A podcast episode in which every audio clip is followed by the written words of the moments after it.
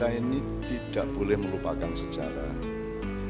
Teman-teman sekalian, kalau saya ngomong ini nanti tolong jangan meng, memubadirkan waktu Anda, menyanyikan waktu Anda untuk mencari saya itu letaknya di mana ya. Orang penting aku iki sapa, orang penting aku ning ndi. Nek kue takon aku iki jane pro sapa ya jelas aku pro rakyat Indonesia, bangsa Indonesia dan NKRI cetha ya. Itu ya. Aku iki nek pemilu iki milih sapa? Apa PDIP, apa Golkar, apa Nasdem, apa Demokrat, apa PKS, apa liyane apa to saiki? PAN, PKB sak piturute. Nek aku ngomong berarti saya melanggar prinsip pemilu yang namanya bebas dan rahasia. Nek tak omong ki aku milih apa berarti lara rahasia. Saya harus menjaga kerahasiaan prinsip pemilu kita. Itu pertama. Yang nomor dua, tujuan PDIP apa? Memakmurkan rakyat Indonesia, ya, mengabdi kepada rakyat. Betul enggak? Tujuannya Golkar apa? Podo toh? Tujuannya Nasdem apa? Podo toh? Mengabdi kepada rakyat. Apa meneh PAN, PKB, Perindo, Golkar tujuannya podo ora? Podo. Jadi entuk ora aku anti salah satu dari mereka. Aku salah nih, aku anti Golkar, anti PDIP, anti PKB, anti apa? Wong kabeh jarine ngakune mengabdi kepada rakyat. Jadi saya pro semuanya, ngono wae. Perkara sing tak coblos kuwi suatu hari ki apa kuwi bebas dan rahasia ngono ya. Jadi saya pro semuanya. Golput ora golput kowe ora ngerti, ora entuk ngerti ya. Ora ngerti kowe. Piye carane kowe ngerti nek golput ora wong ora ono tandone kan gitu. Ya, itu yang kedua. Yang ketiga gini Pak Manto. Ini ada DPRD, ada ini berarti kan ada trias politika ya, ada eksekutif, legislatif, yudikatif berarti itu sistem modern yang kita ambil dari prinsip-prinsip negara klasik dari filsafat Yunani kuno gitu ya. Jadi ini negara modern. Maka ada yang mewakili rakyat ada yang bagian eksekusi ada yang bagian mengawasi dan mengadili dan seterusnya. Ada tiga pembagian dulu di zaman Mataram Islam zaman Demak zaman Mojopahit kan tidak ada yang ada kan eksekutif saja kan begitu.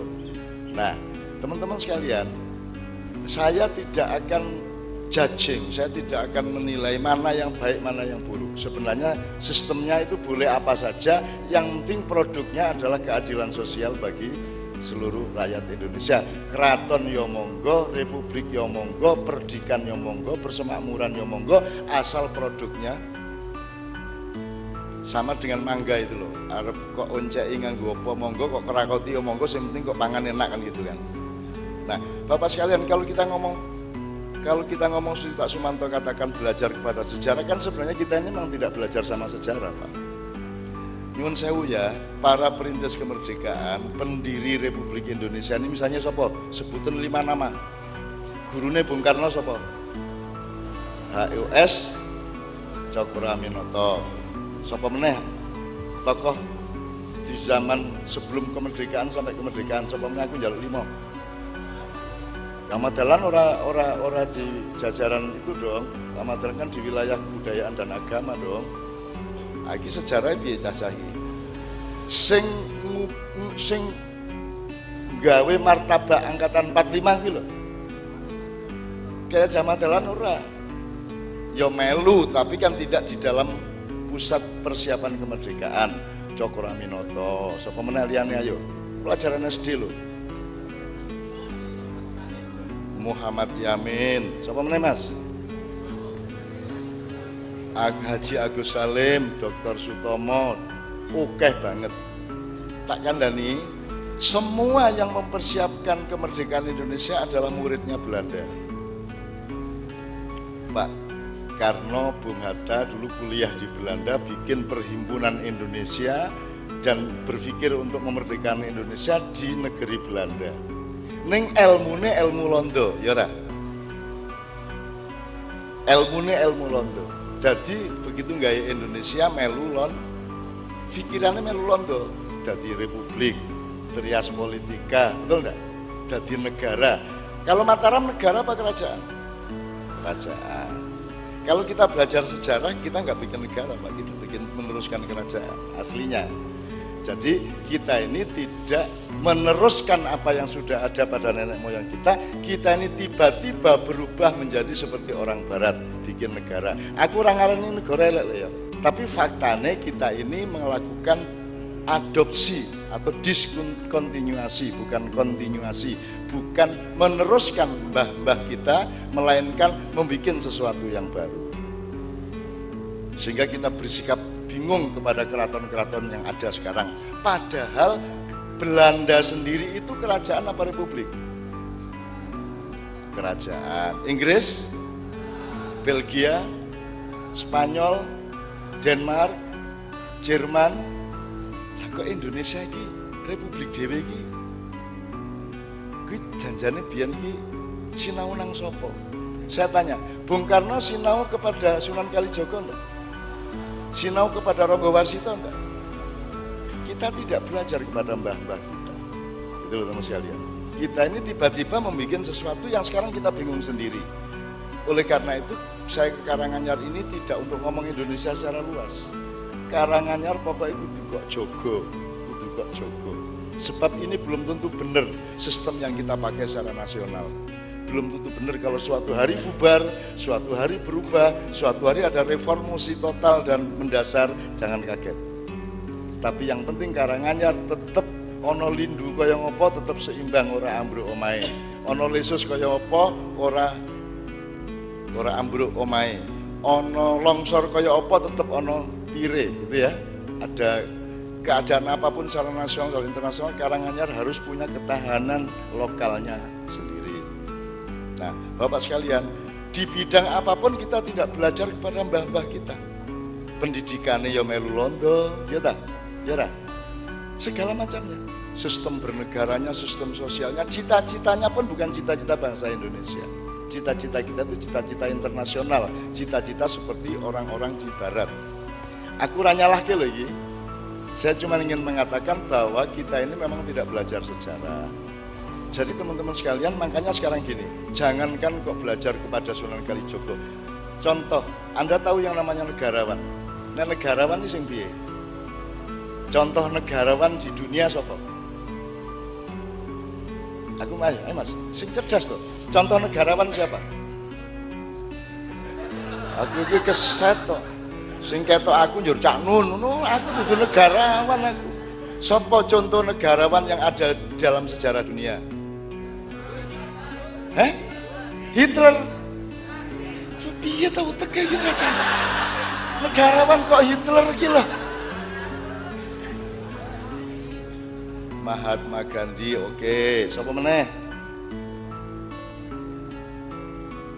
Apa tuh bedanya negarawan kalau politisi? Nah, coba dicari, dipelajari ya, disenauni orang kudu saiki ning kok iku dikelingan ono bedane lo negarawan karo politisi yang kita butuhkan di Indonesia sekarang negarawan orang yang tidak berorientasi untuk kekuasaan tapi mencintai rakyat dan memberi ilmu kepada rakyat supaya hidupnya masyarakat semuanya Nyun sewu ya, ini supaya saya tidak berkepanjangan. Negarawan terbesar yang saya akui dan saya kenal adalah bukan saya kenal, saya mengenal dalam sejarah adalah Muhammad Shallallahu Alaihi Wasallam.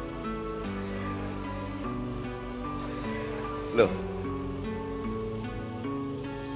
karena beliau negarawan, beliau tidak punya ambisi untuk menjadikan Madinah menjadi negara atau khilafah. Di Madinah tidak ada khalifah. Oh no, khalifah di Madinah tidak ada. Ada konstitusinya 47 pasal yang namanya Athakofa Al-Madaniyah, tapi itu yang bikin dudu pinter, dudu kanjeng Nabi, sehingga rakyat dewe, rembuk dewe. Kalau di Indonesia, yang bikin aturan nek ora pemerintah DPR, kan gitu. Kalau di Madinah yang bikin rakyat langsung. Karena negarawannya namanya Muhammad. Dia tidak ambisi untuk ngatur-ngatur macam-macam ngemong ngayomi. Nek coro Jawa hamengku buwono. Tuh. Nah gitu ya Bapak sekalian ya. Contoh negarawan. Nah sekarang ini di Indonesia siapa negarawannya sebenarnya saya merindukan orang-orang senior-senior kita itu menjadi negarawan orang yang tidak berpolitik Cokrawinoto dulu negarawan yang baik tapi di akhir-akhir hayatnya beliau berpolitik. Gitu ya. Anda menjadi pemimpin boleh hanya kalau Allah menyuruh Anda. Makanya kenal Allah dong. Kapan Gusti Allah ngongkon, kapan Gusti Allah ngelarang, itu kudu hafal. Gitu ya. Cokraminoto agak terlibat di dalam politik. Pak Amin Rais harusnya dia bisa jadi negarawan, tapi sangat berpolitik. Gus Dur seharusnya dia adalah negarawan, tapi sangat berpolitik. Kan gitu, karena beliau yang bikin PKB dan seterusnya. Orang salah loh kui. Saya cuma memberi kategori di telon, di gedok loh ya. Ya, nah bapak sekalian, di Karanganyar ini kalau bisa meskipun politisi, meskipun ketua DPRD, meskipun dandim meskipun kapolres meskipun siapa pun saja jabatannya tapi mohon memiliki jiwa kenegarawanan. Gitu ya. Mohon memiliki jiwa pengayoman. Mohon memiliki jiwa cinta dan kepengasuhan kepada semua rakyatnya. Dan itu sebabnya saya sama Kiai Kanjeng itu keliling hanya kabupaten-kabupaten ke bawah. Tidak pernah ke atas.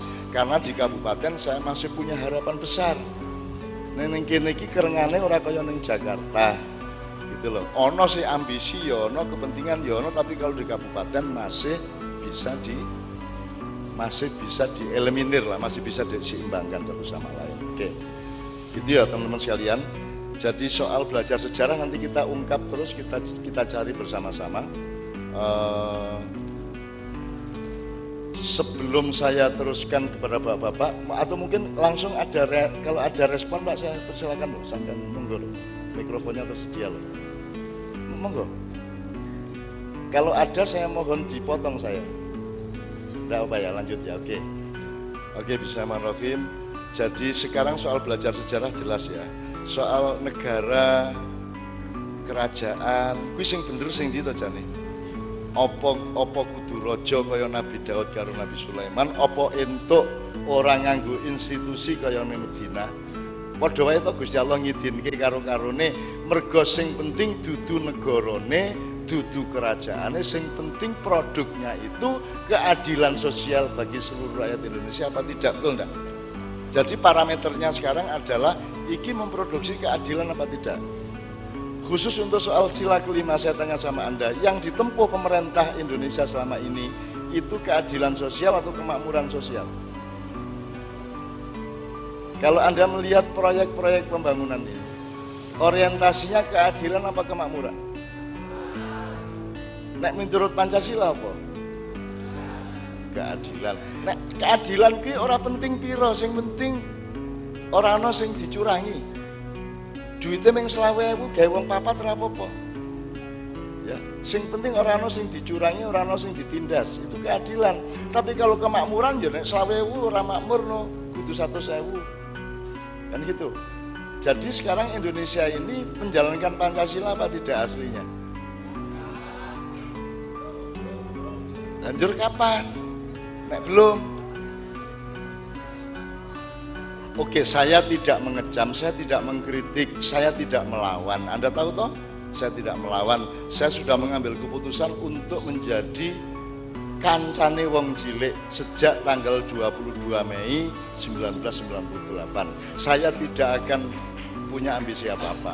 Begitu Pak Harto turun, besoknya saya pergi meninggalkan semua urusan politik di Jakarta dan saya hanya melakukan gerakan selawat keliling karena saya tahu reformasi ternyata palsu karena saya tahu ternyata yang terjadi setelah Pak Harto turun itu adalah pecundang-pecundang munafik-munafik dan bajingan-bajingan. Ya. Saya Gus Dur sering reriungan karo Pak Harto wong loro. Ning kono. Wonten apa Mas Dur kok sering dolan terus anu Pak Harto kula niku anu truk-truk niku lho ndelok ku seneng nek dolan teng Indonesia niku truk-truk niku tulis enten gambar jenengan Pak Harto karo tangane ngene iki. Piye penak jamanku to gitu kan. Tuh. Terus terus Pak Harto tersipu-sipu nopo nggih. Lho nggih Pak Harto saestu niku rakyat niku kangen kalian jenengan gitu kan. Ning bener ora jamanku luwih penak bangane zaman saiki. Terus Pak Harto eh, jenenge Gus Dur ya mesti jawabnya ya kaya ngono kae Nggih leres Pak Harto, biyen niku Soeharto neming setunggal sakniki meh kabeh. ya ya guyon ya rek ya. Guyon. Ini ya tenanan ya ta ya. Ya bismillahirrahmanirrahim. Poin ini ada pertanyaan. Poin wis kene iki wis kadung dadi negara. Ya. Itu pun negara kesatuan, itu pun presidensial maka ada kelemahan-kelemahan dan kekuatan-kekuatan. Ini kalau Anda mau demo, Anda mau melawan pemerintah, mau kritis, Anda hitung. Ini presidensial. Kalau presidensial itu salah satu bahayanya adalah tidak ada beda antara kepala negara dengan kepala pemerintahan. Nah, ini malah, malah bingung. Misalnya kepolisian, kepolisian itu di bawah pemerintah apa di bawah negara? Bingung kalau presidensial kepolisian itu aparat negara bukan aparat pemerintah. Sehingga dia tidak terikat kepada polisi pemerintah. Polisi itu polisi itu mandiri di bawah undang-undang negara. Sebenarnya begitu. Apalagi TNI TNI bukan bawaannya presiden. Nek ora presidensi nek saya kira KPK lembaga pemerintah jadi ini. Padahal KPK itu kan lembaga negara sebenarnya sama dengan MK, KY termasuk BUMN itu bukan badan usaha milik pemerintah, tapi bahan badan usaha milik negara, tapi setor duitnya kan ke pemerintah sekarang. Jadi kira ceto, bapak ibu ini sopo. Kudune bapak kepala keluarga, ibu kepala rumah tangga. Gitu. Oke, saya tidak mengatakan Anda harus merubah itu sekarang, tapi tapi cah-cah nom mikir gue ya. Kalau suatu hari didandani untuk orang Indonesia. Itu Wong buktine saiki ngomong NKRI harga mati padahal wis kok rubah ra karu-karuan undang dasar. Iki harga mati ora berarti. Wis protol-protol kok ngomong harga mati, gitu? Nah, jadi teman-teman sekalian, mari kita kritis terhadap diri kita sendiri yang kita dengar ini bagaimana, yang kita baca bagaimana, kowe kudu duwe patrap dan kedaulatan berpikir pada masing-masing diri Anda supaya Anda tidak terlalu terseret oleh sesuatu yang Anda tidak pahami. Ngono ya. Oke. Saiki lagu sik lah. ini apa monggo? Aku ora ke monggo Kiai Kanjeng berunding sama Mbak Nia, Mbak Yuli. Monggo.